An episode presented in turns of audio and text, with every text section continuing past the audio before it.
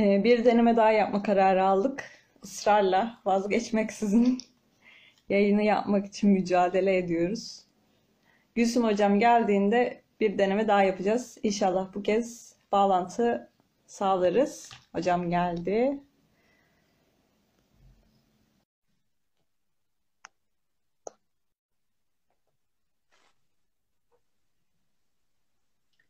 Hocam şu an sesim net geliyor mu? Sizin sesinizi alamıyorum. Duyuyor musun? Evet şu an duyuyorum hocam. Heh, tamam. O zaman bakayım. Tamam şu an daha net sanıyorum. Başlayabiliriz hocam. Ee, sizinle e, çocukluk hali e, ve başkalaşmış kadınlar kitaplarına da değinerek mutlu bir aile kurmak için nelere dikkat etmeliyiz konusunu konuşuyorduk.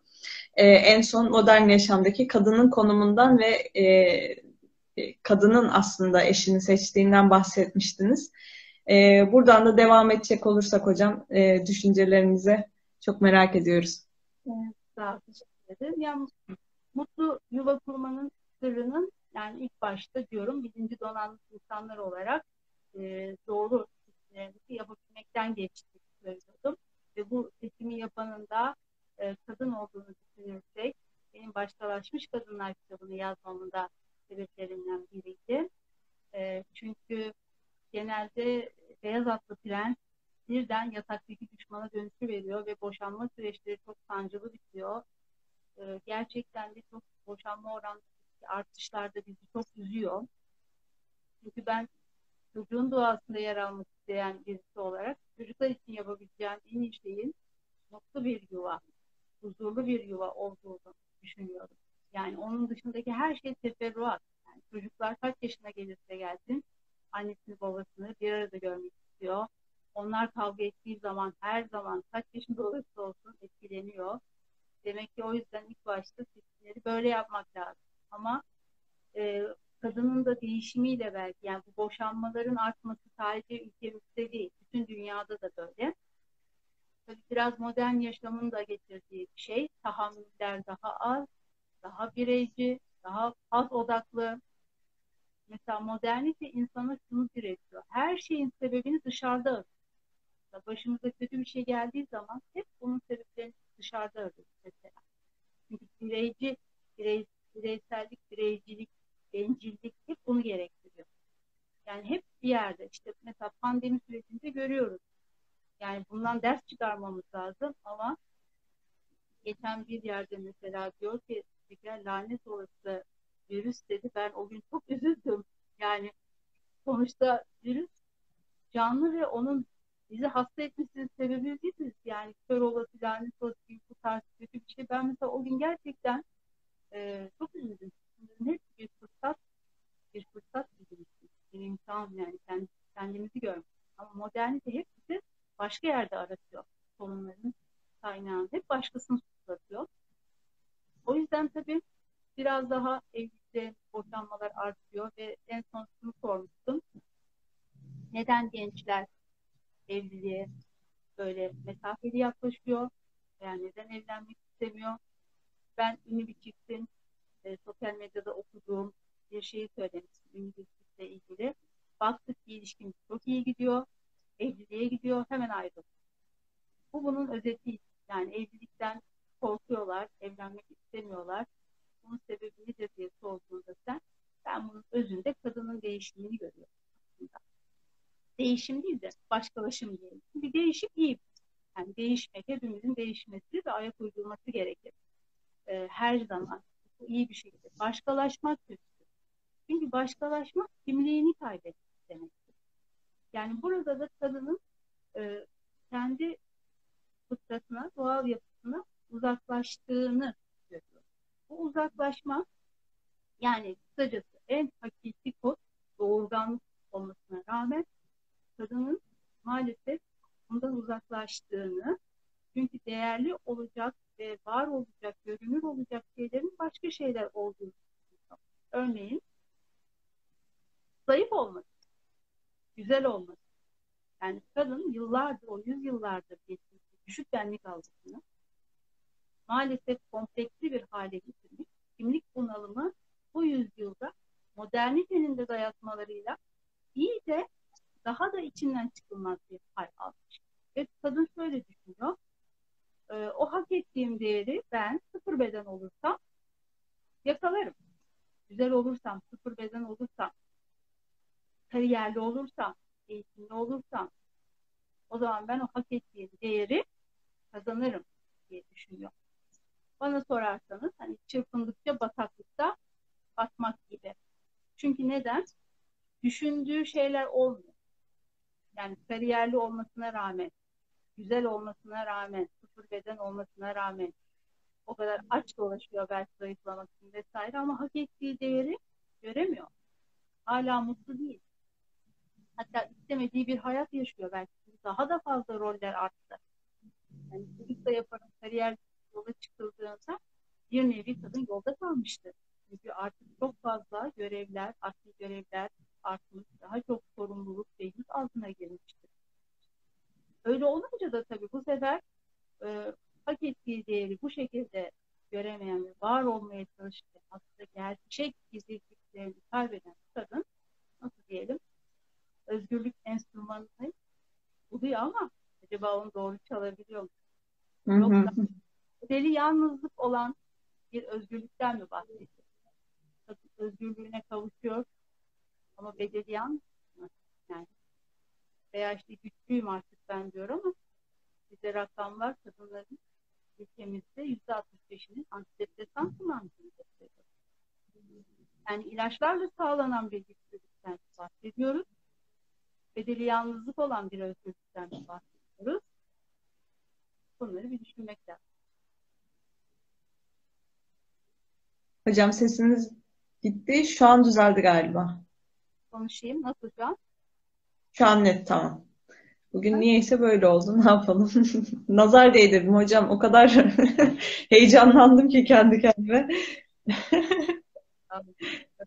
Net galiba. Evet hocam.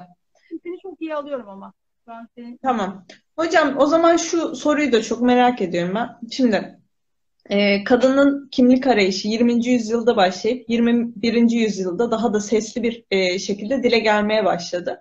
Ve bu kimlik arayışına kadını iten şey sizce nedir? Etkileri nedir? Aynı zamanda bu e, hayatımızda feminizm diye yansıyor mesela. Siz bunun hakkında neler düşünüyorsunuz? Veya Müslüman bir kadın olarak ne düşünüyorsunuz? Bu ayrıca önemli.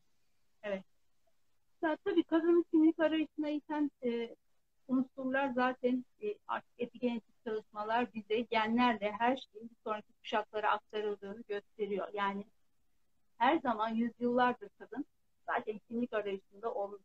Özellikle İslamiyet'ten önce bakıldığında e, çok kötü uygulamalar görüyoruz. Yani Hindistan'da ölen kocasıyla beraber gömüldüğünüzü görebilirsiniz. Farklı farklı kültürlere bakın işte e, Yahudilerde kadınların ibadet edemediğini görürsünüz.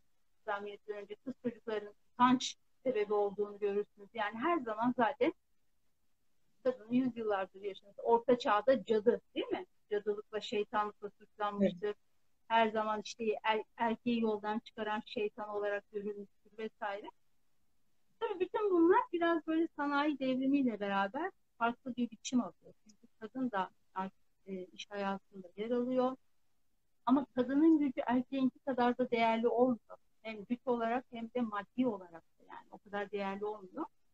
Ve o sırada tabii ki yaşanan sosyal değişimler de batıda özgürlük, modernlik, sanatları vesaire derken bunlar da artık kadının kimlik arayışına hızlıca ikilisini sağlıyor. Orada da bir feminizm ceryanıyla yani kadın çareyi ideolojilere sığınmaktadır. Yani ideolojilerle hakkını aramaya çalışıyoruz. Tabii ki şunu da söylemek lazım. Yani biraz vaktimiz tutun konu. Kadının kimlik arayışının tarihsel baktığımız zaman yani eski Türklerden, Sümerlerden, Anadolu kültüründen, Atina'dan, Roma'dan baktığımızda bütün bunların hepsini değerlendirdiğimizde bugün kadının e, doğal yapısına, fıtratına uygun olan e, tek dini ve adına sure indirilmiş cennet ayaklarının altına ona verilen değer her gün, her zaman, her açıdan yani Kur'an okumaya ve anlamaya çalışan insanlar olarak hep görüyoruz. Her açıdan, her zaman görüyoruz. En ufak bir cinsiyet ayrımı yapılmaz.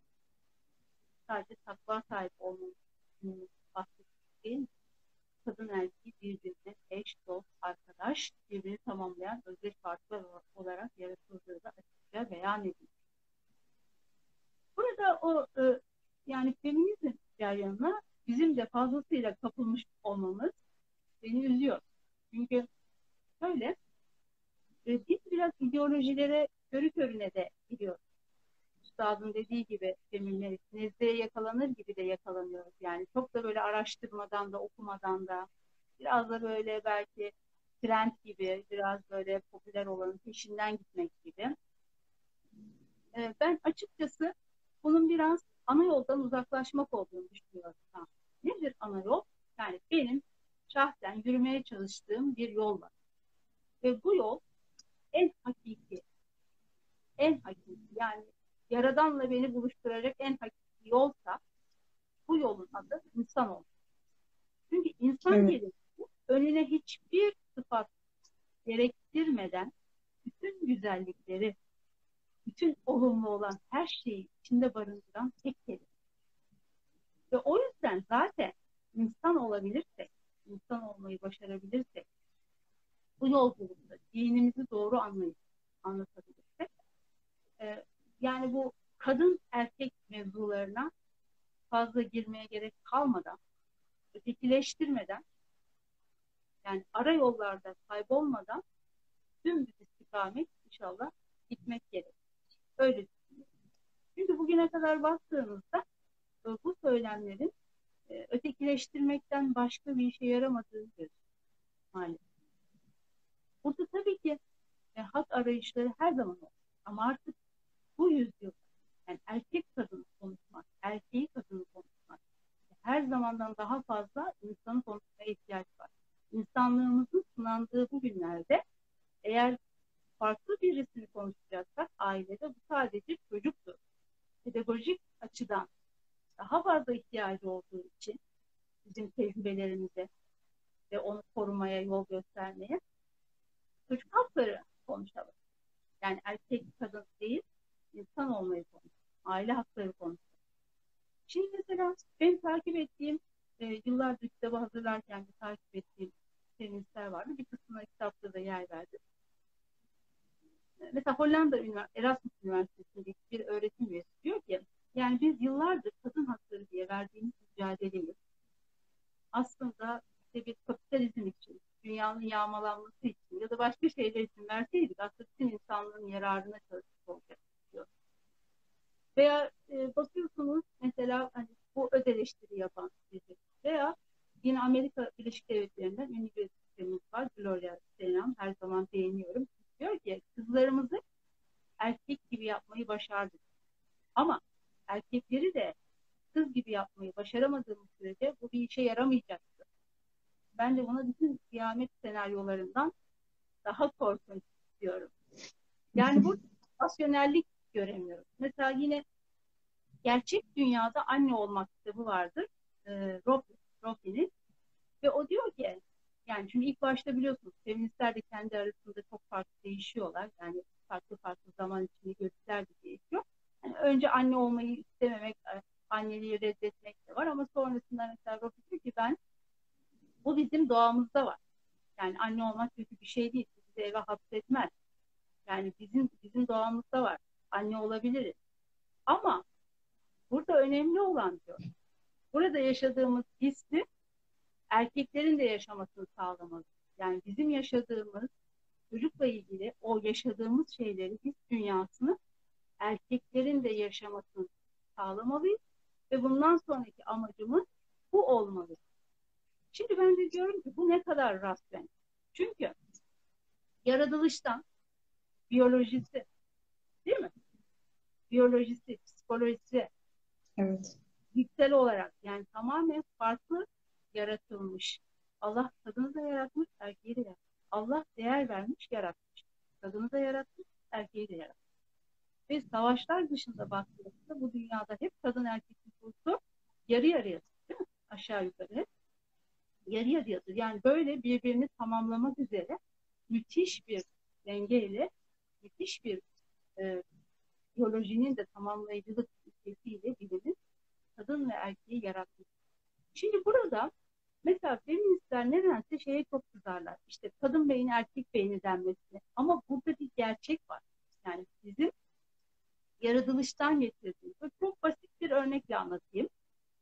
Nedir o? Mesela bir çocuk ağlıyor şu anda. Ağlıyor, canı acımış. Babası en çocuğuna düştüğünde iyi niyetli baba en fazla çocuğunun canının yandığını anlar. Ama anne bunu anlamakla kalmaz. O acıyı hisseder.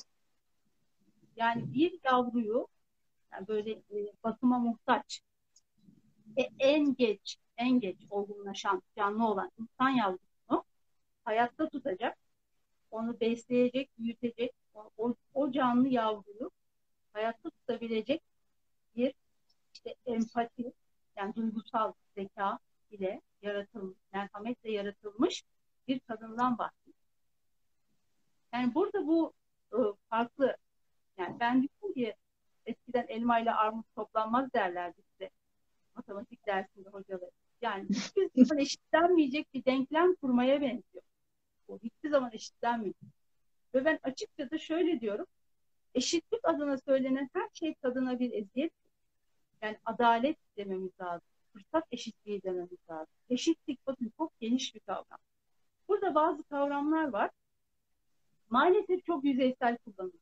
Bir tanesi eşitlik, bir tanesi toplumsal cinsiyet eşitliği, toplumsal cinsiyet.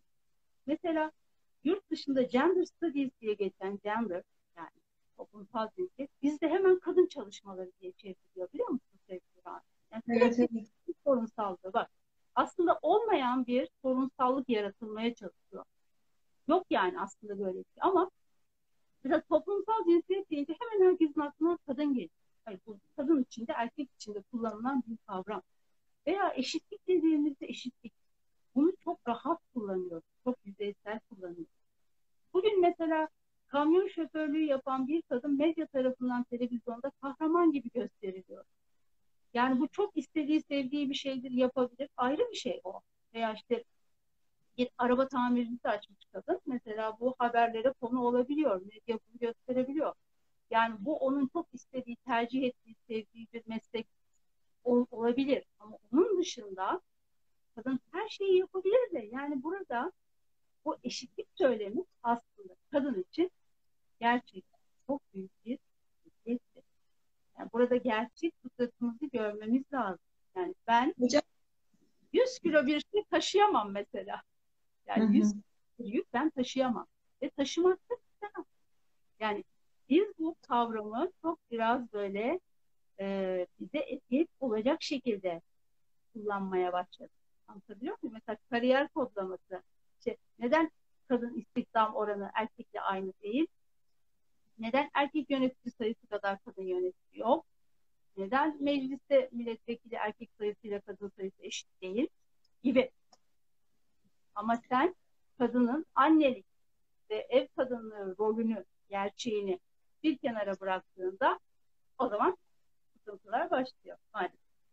Hocam siz aynı zamanda çalışan bir kadınsınız. O yüzden e, bu konudaki düşüncelerinizi de çok merak ediyorum. Kadının iş hayatına katılımıyla ilgili bir okuma yapmıştım ve orada e, aslında liberalizmin e, e, isteklerinden biri olduğunu, kadın da iş hayatına dahil ettiğinde paranın daha çok paranın dönebileceğini ve daha çok kazanım olabileceği için de feminizmin ayrıca teşvik edildiğini e, anlatıyordu, aktarıyordu orada.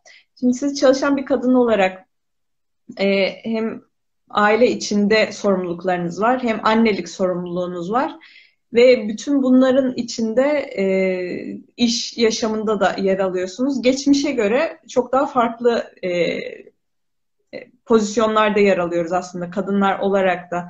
E, bunu nasıl değerlendirmemiz gerekiyor? Burada e, kadına e, sorumluluklarını e, nasıl desem birden fazla sorumluluğu var benim anladığım kadarıyla. Bununla ilgili düzenlemeler yapılmalı mı yoksa zaten bunu kadın mı tercih ediyor? Burada ne düşünüyorsunuz? Tabii. Evet, güzel, çok güzel bir soru. Çok önemli. Yani burada e, ev kadınlığından istihdama giden yolun, köprünün çok iyi inşası gerekiyor. Yani 40-50 yıldır böyle bir devrim yaşanıyor diyoruz. Bakıyorsunuz bazı ülkelerde %3 de %3'tü kadın çalışma oranı. Hollanda'da, Almanya'da, Danimarka'da %90'lara geldi. Yani artık istihdamı bu kadar büyük bir oranda kadın çok kısa zamanda bir geçiş sağladı.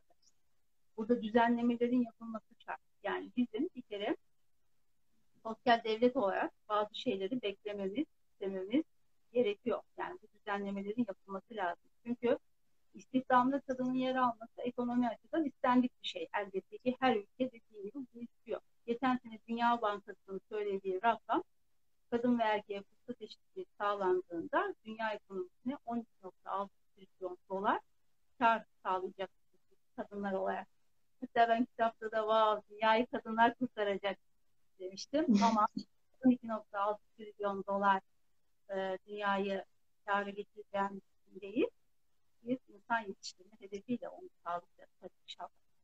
Ama eğer kadının istihdamda yer almasını istiyorsa ki her ülke bunu isteyecek bugün e, kesinlikle ben kadının her yerde olması gerektiğini düşünüyorum sevgili Rana. Her yerde olması. Kadın dünyayı değiştirir. Kadın dünyayı değiştirir. Kadın bulunduğu her yeri güzelleştirir. Yeter ki kadın olmaklığını kaybetmesin. Yeter ki başkalaşmasın.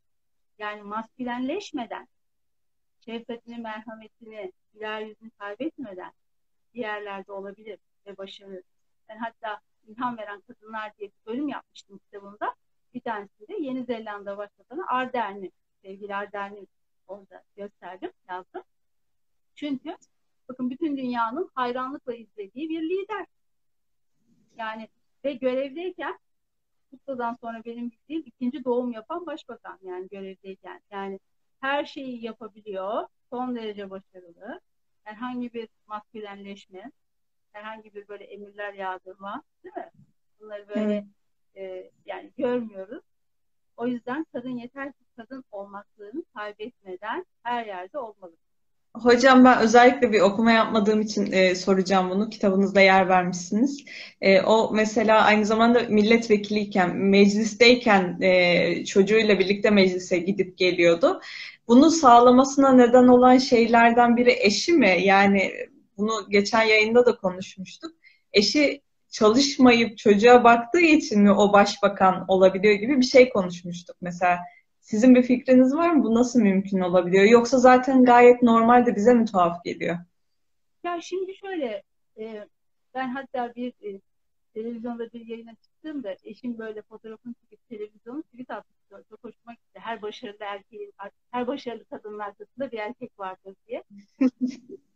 Gerçek birlik bu. Yani her başarılı erkeğin arkasında bir kadın, her başarılı kadının arkasında bir erkek. Yani karşılıklı sevgi ve saygı olduğunda herkes zaten e, şu anda erkekler mesela eşlerinin çalışmasından son derece memnun.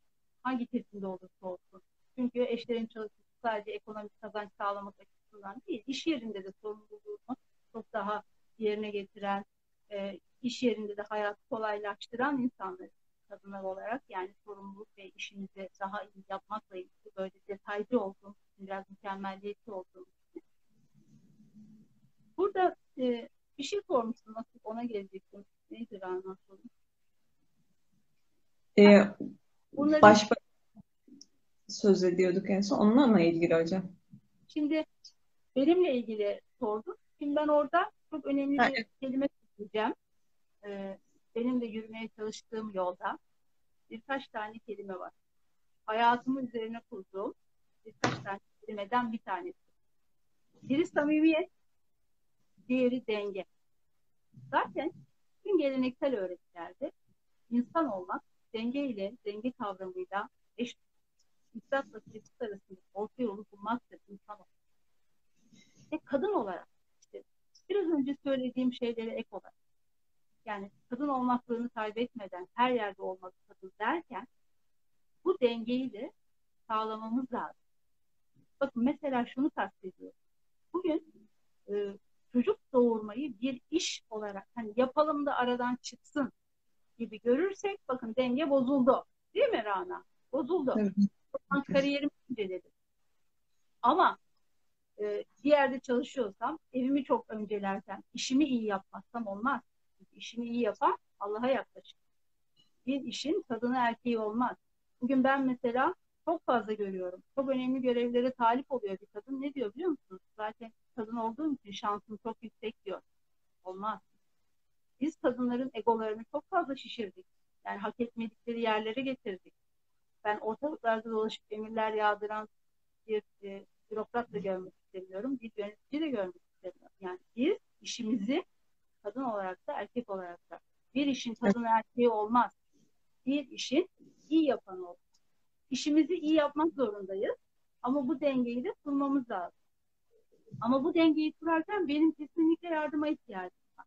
Yani eşimin dışında benim yardıma ihtiyacım var. Çünkü çekirdek aile çok zorlanıyor.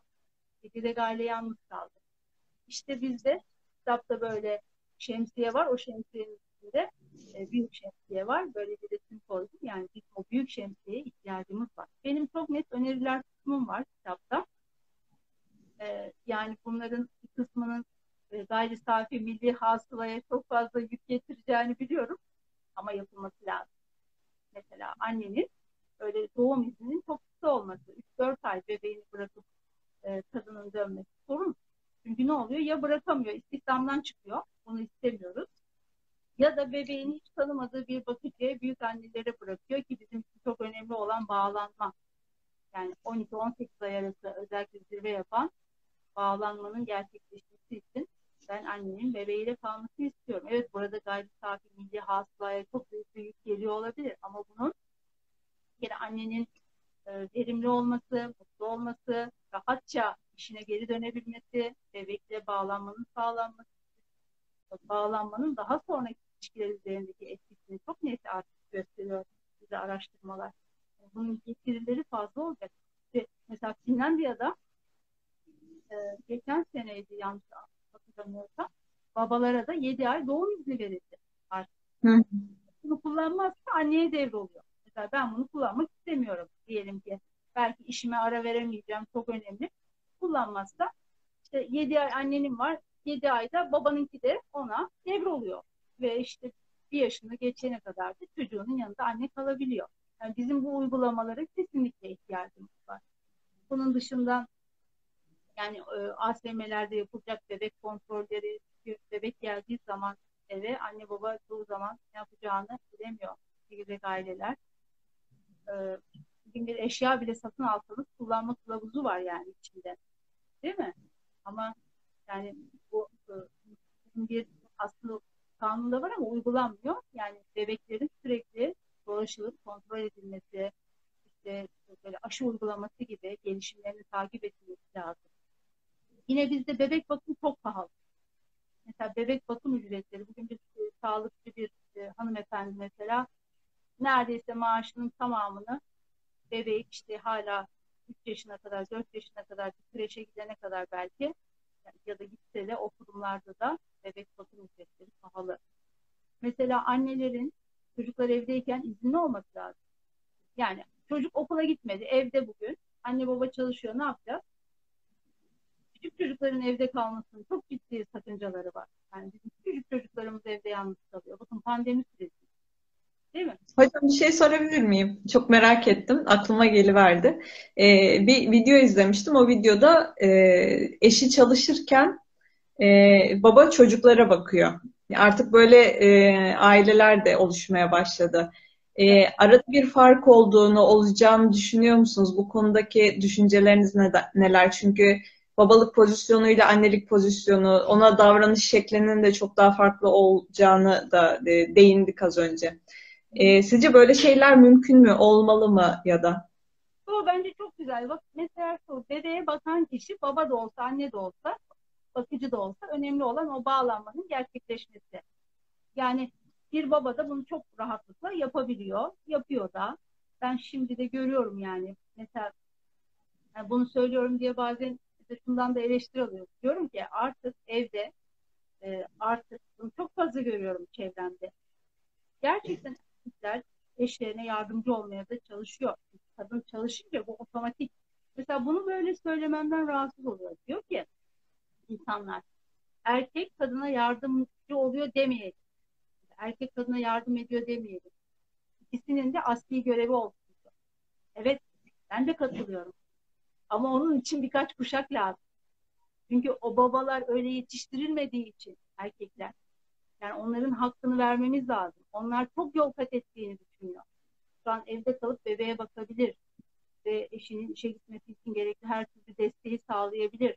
Bir sürü böyle babamız var biliyoruz ve öyle olması gerekir. Ama mesela pandemi döneminde şunu kastediyorum.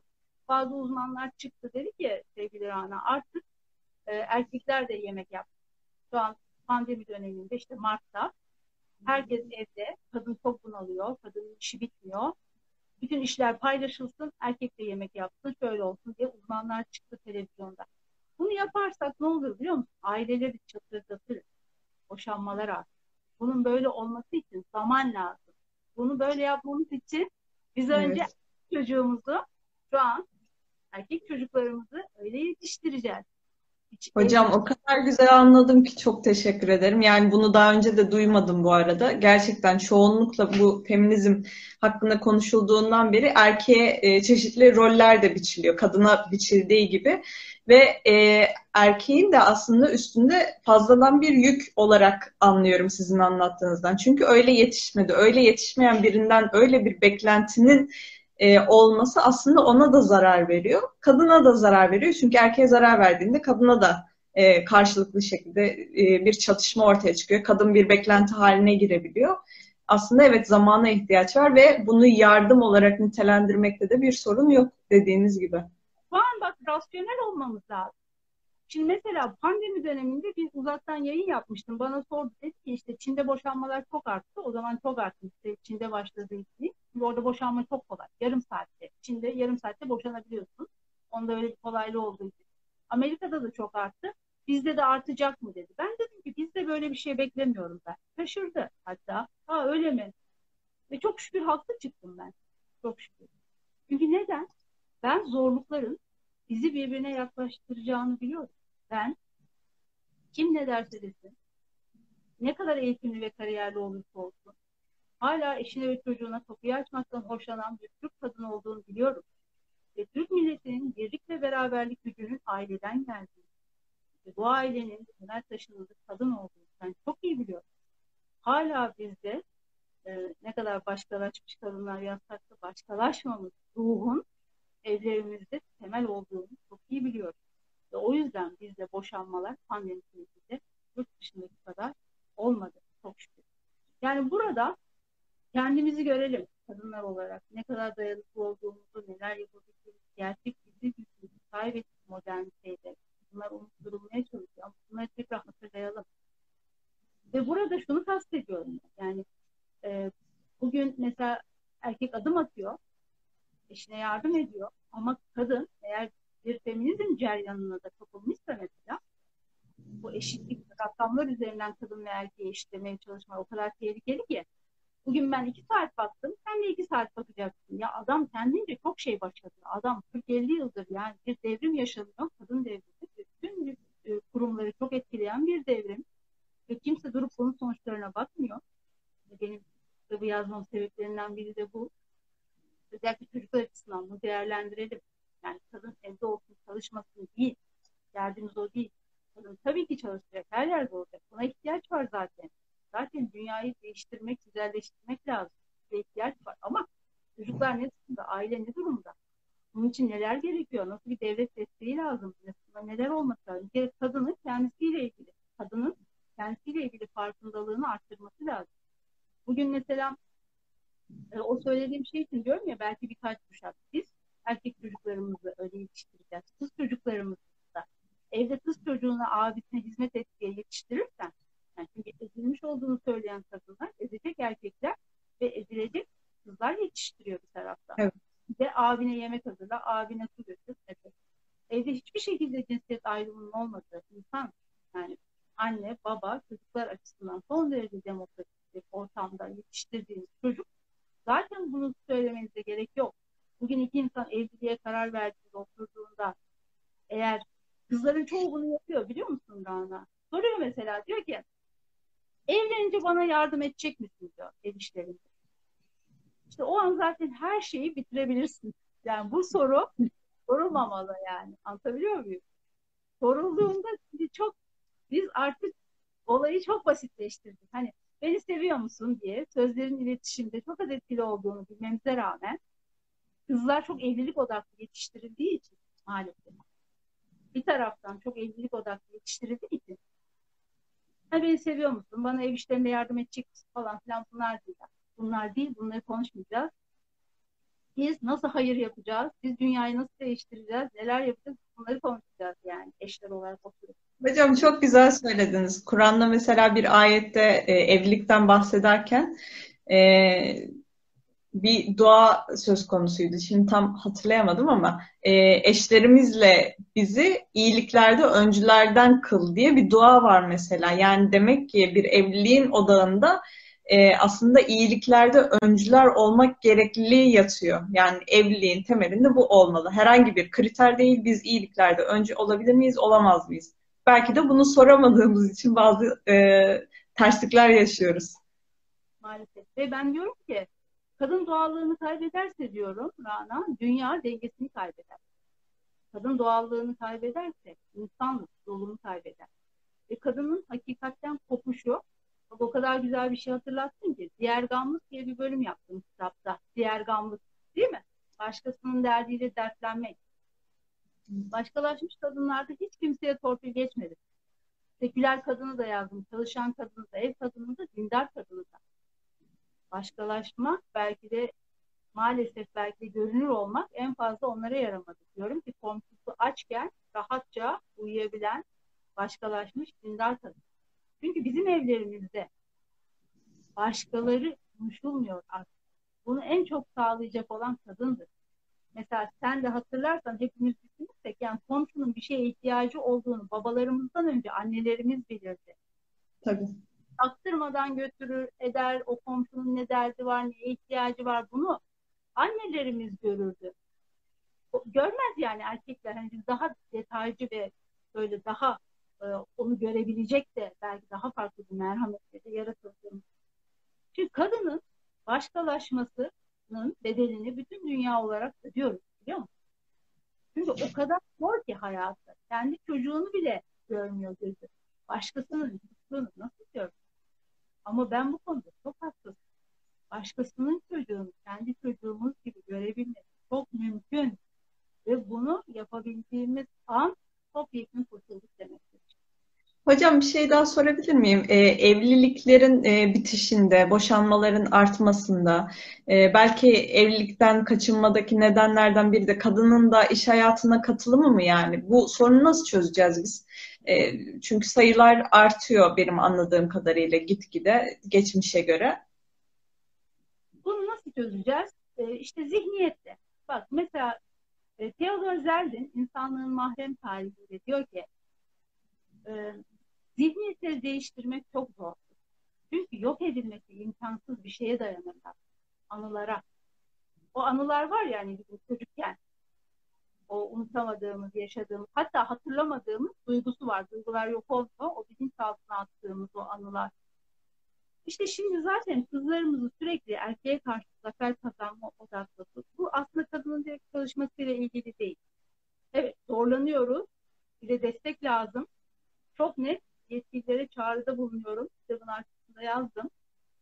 Mesela pozitif ayrımcılık e, yapmayın. Yani kadına önüne pozitif kelimesi gelse ayrımcılık güzel bir şey değil. Siz sadece gerekeni yapın diyorum. Nedir o?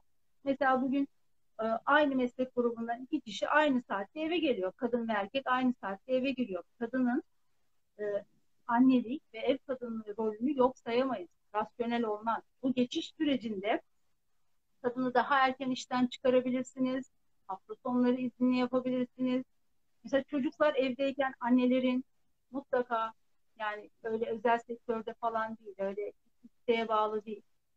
Yani çünkü çok rahat e, yöneticiler çıkıp çocuk yapmasaydın o zaman diyebiliyor.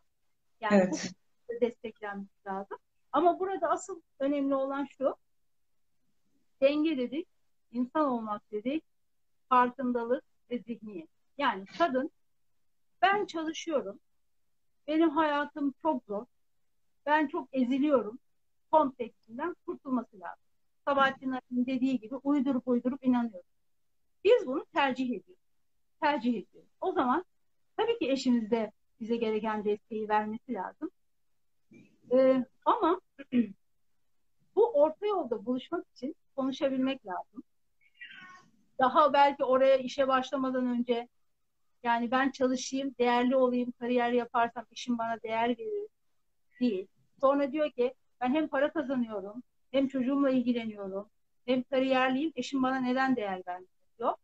Ben hatta yine kadının sandıları diye bir bölüm yapmıştım. Bazı sandılara kapılıyoruz. Mesela bir tanesi şu, erkekler akıllı kadınları sevmez. Zeki kadınları sevmez. Ben de diyorum ki, niye sevmesin? Akıllı zeki kadın hayatı güzelleştirir, hayatı kolaylaştırır. Acaba erkekler akıllı kadınları mı yoksa sürekli akıllı olduğunu sürekli söyleyen, sürekli evet. eden, sürekli kafaya takan kadınları mı sevmez? Onları zaten kimse sevmez. Yani burada önemli olan kadının kendisiyle ilgili. Tamam Yani mesela şunu söyleyeyim. Yani çok basit böyle hani örneklerle anlatmaya çalışıyorum. Daha kalıcı oluyor. Ee, ben zaten dinimiz buna izin veriyor. İşini yapmak istemezsen temizlikçi, yardımcı tutabilirsin. Tutabilirsin yani.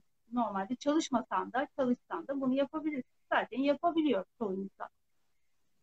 Ama eğer ev işini yaparken ben mesela hayatımda hiçbir zaman yardımcı bir bayan almamış birisi olarak konuşuyorum. Bunu yani bu şekilde söylüyorum. Yani bu benimle ilgili. Tabii ki alanlara herhangi bir şeyimiz yok yani onları kendi tercih. Bu benimle ilgili yani hak etmesiyle ilgili bir şeyim olduğu için.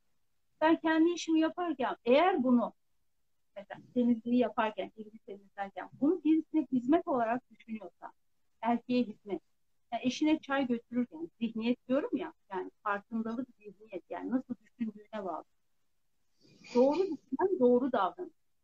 Yani eşine çay götürmek, yemek yapmak temizlik yapmak hizmet olarak görürsen işte o zaman bunlar seni rahatsız eder. Ama evini temizlerken evimi temizliyor. Ben terapi olarak görüyorum mesela. Benim için bir terapi. Yani hiçbir zamanda ama ben haftada bir de cam silmiyorum Rana. Onu da yapanlara da hayret ediyorum. Yani ben camları ve birkaç kere siliyorum yani mesela. Yani hayatı biraz kendimiz zorlaştırıyoruz. Her şey tam olsun. Ev temiz olsun. Her hafta cam silsin. Çocukların dersleri her şey tam olsun. Bu biraz bizimle ilgili. Kadının kendisinin bunların farkına varması lazım. Zaten değerliyiz. Hak ettiğimiz değil, zaten sahip olduğumuz değeri görmeliyiz. Bu değer bize verilmiş. Bizim böyle bir bizim gücümüz var. Bunun farkında olmalıyız ve yaptığımız tercihler biz tercih ediyoruz. Mesela ben şunu çok görüyorum. Çalışırsam değerli olurum. Ee, yanılgısıyla yola çıktığı için kadın mesela bakıcıya verdiği para kadar maaş alıyor aldığı maaşın neredeyse tamamını bakıcıya veriyor. Gidiyor bir yerde okul öncesinde sözleşmeli öğretmenlik yapıyor. Peki demek ki mesele para değil. Başkası senin çocuğunu büyütecek. Sen gideceksin başka çocuklara öğretmenlik yapacak. O zaman mesele statü. Yani kadınların hani böyle durmadan yakınıp yakınıp her şeyden çok yakınıp ama gereğini yapamamaları ailenin huzurunu bozuyor. Ben onu görüyorum. Çalışmak zorunda olanlar var. Onlar ayrı tabii. Yani onlar değil. Biz burada bilinçli tercihleri konuşuyoruz. Yani bilinçli. Kendisini o şekilde değerli göreceğini. Hocam özellikle e, aslında aile e, olmanın aileyi oluşturanın e, kadın olduğunu vurguladığınız için bu konu benim gerçekten çok ilgimi çekti ve e, yorumunuz da e, duyduklarımızdan çok çok daha farklı. O yüzden şunu sormayı çok istiyorum. Bir kadın hem iş hayatında bulunuyor hem ailesiyle birlikte. Bütün bunların içinde mesela şu tür söylemleri çok duyuyoruz. Kadına şiddet arttı, kadın değersiz olduğu için e, bu tür şiddete maruz kalıyor. Hem psikolojik hem işte e, fiziksel şiddet, cinsel şiddet de var. E, bu tür bilinçlendirme çalışmaları mesela artmaya başladı. e, kadının belki hiç farkında bile olmadığı şeyler veya e, Türkiye'nin yine doğu kesimlerine baktığımızda orada ayrıca e, çocuk evlilikler e, falan da var. Evet. E, bütün bunların toplamına baktığımızda kadının kendisini değerli hissetmesini sağlayacağı bir e, ortamı biz sağlamadığımız için mi e, bu kadar çok kadın hakkında konuşuluyor? E, sizce bu durum değişti mi?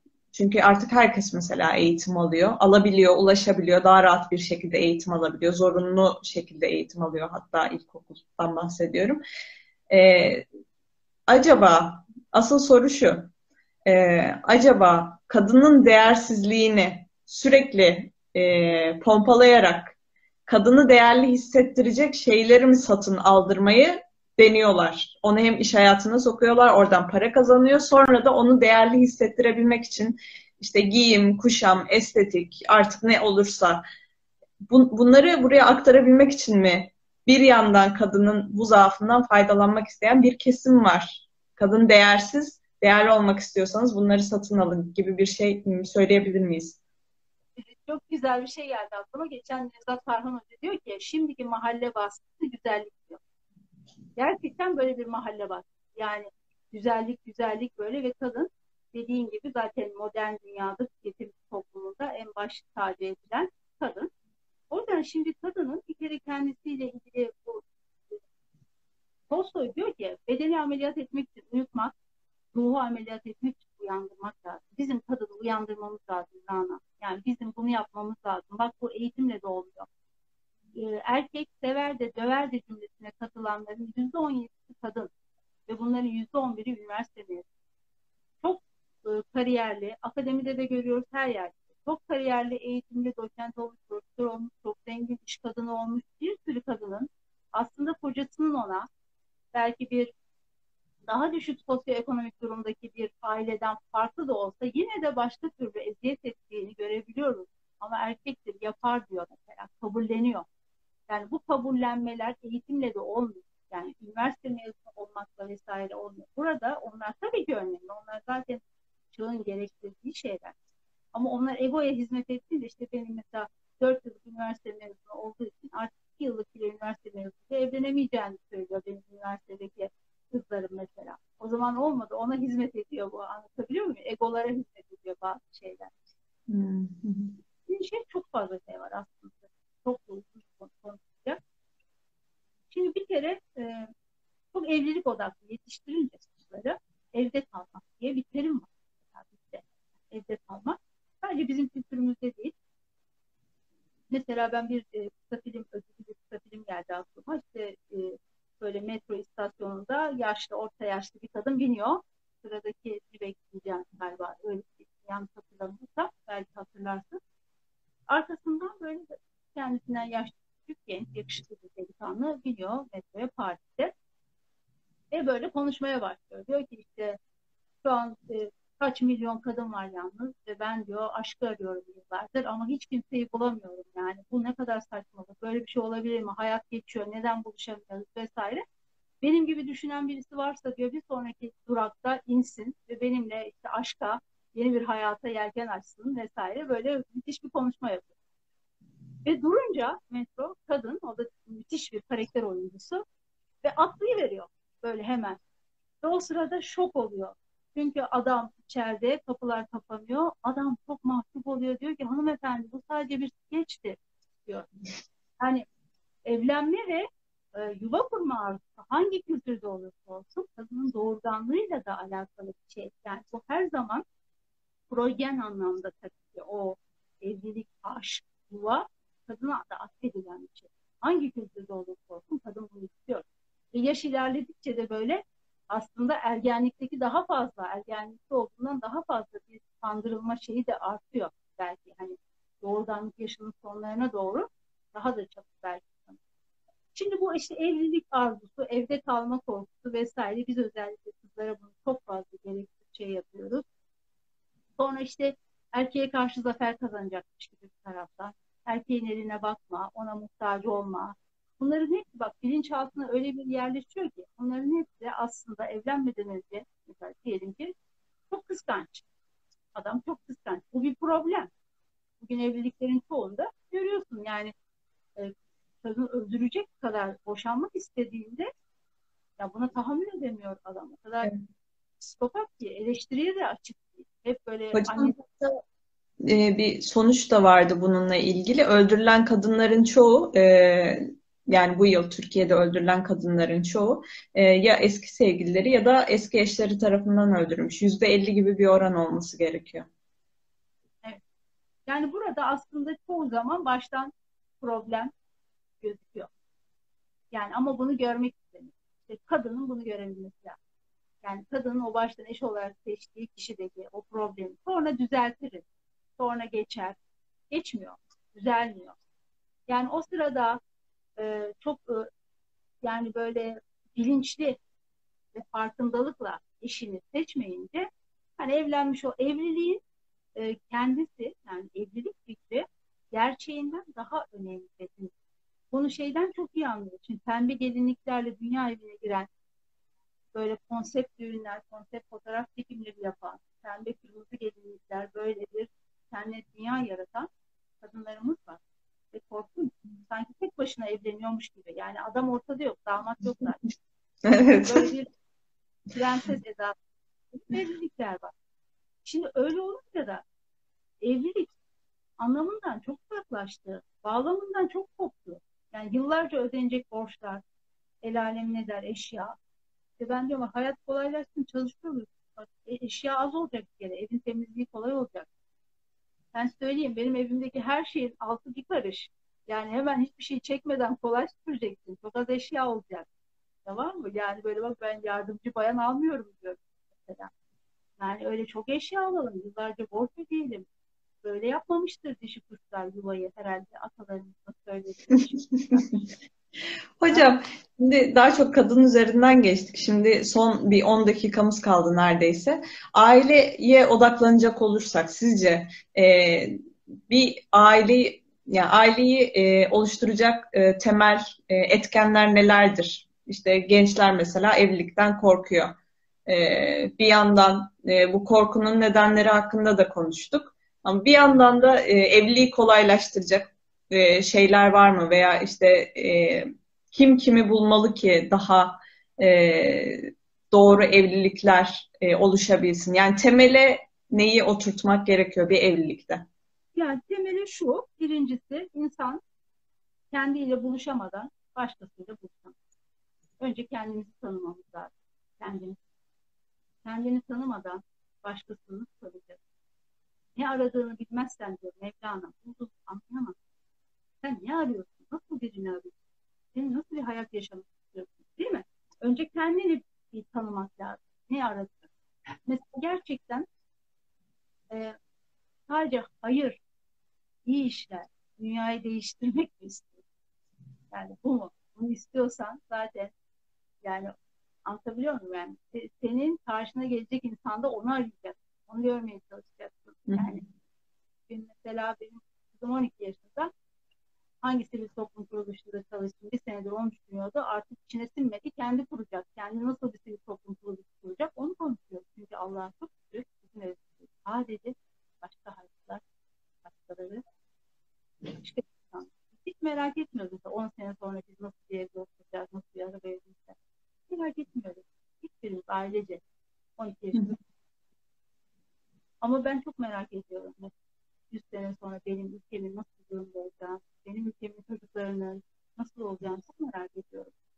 Yani kendimiz dışında başka dertlerimiz olması çok önemli bir kere. Yani kendimizi tanımak en önemli kural evlenirken. Çünkü böyle olmadığı zaman filmlerdeki gibi sevgili Rana hayatının aşkı yanından geçiverir ve sen onun hiç farkına varmazsın. Filmlerde olur ya. Evet evet reyondadır ama sen burada alışveriş yapıyorsundur o gider. Farkına varmazsın karşına çıksa da. O yüzden önce kendini tanımak. Sonra ikincisi ben e, özellikle yine kızlara evet çok yükleniyorum ama diyorum yani insan yetiştireceksiniz değil mi? Uzun uzun listeler var ama. Daha çok böyle kızlarda görüyoruz. Şöyle olsun böyle olsun. Şimdi kendisi bu modern dünyada en güzel olmalı, en zayıf olmalı, en kariyerli olmalı, en eğitimli olmalı. Enlerden oluşunca karşısındaki kişiyi de öyle arıyor. Bu evet. ne kadar iyi baba olacak? Bu ne kadar iyi bir insan. Ona bakmıyor. Ahlakına, babalığına bakmıyor. Neye bakıyor? Mevki, makam, para, kariyer, yakışıklılık. Değil mi? Şimdi bunlara bakınca bunlar bizi yanlışa götürüyor maalesef. Kendi enlerden oluşunca modern dünyanın bu tuzaklarına düşmemek lazım. Bir de yine şöyle hani e, şöyle olsun böyle olsun uzun listeler olunca ben de tutuyorum. Monaco prensesi misiniz diyorum. Nasıl olmaması gerektiğini yapalım. Liste yapacaksak nasıl istemiyorum? Yani ben karşımdaki kişide ne olmak ne istemiyorum? Yani olumsuzlara odaklanalım. E, bir diğeri yine e, buluşmayı bilmek lazım. Mesela buluşmak ne demek? Ana yol. Yani herkesin gittiği bir ana yol var. Yani evet. nasıl, şöyle yani daha örnek vereyim. Şimdi birisi camiye gidiyorsa, birisi bara gidiyorsa şimdi burada dünya görüşü çok önemli. Arkadaşını seçerken olmayabilir. Bir ateistle çok güzel arkadaş dost olursun. Yani ve sana imanını kuvvetlendirir kendi güveniyorsan. Ama evet. seçerken değil mi?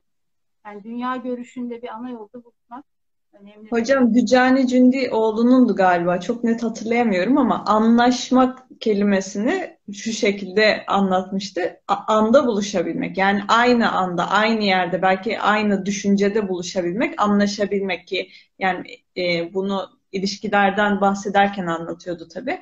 Evlilikten söz ettiğimizde de anlaşabilmek için aynı anda buluşabilmek için ortak ilkelerin olması gerekiyor aslında tanımak deyince biz mesela hani iletişimde bunu konuşuyoruz. Bir, birbirini tanımak deyince işte ben şundan hoşlanırım. Mesela biz e, şöyle Aa aynı pizzayı seviyoruz. Aynı tarz filmden hoşlanıyoruz. Aynı tarz müzik dinliyoruz. Ah ruh eşimi buldum.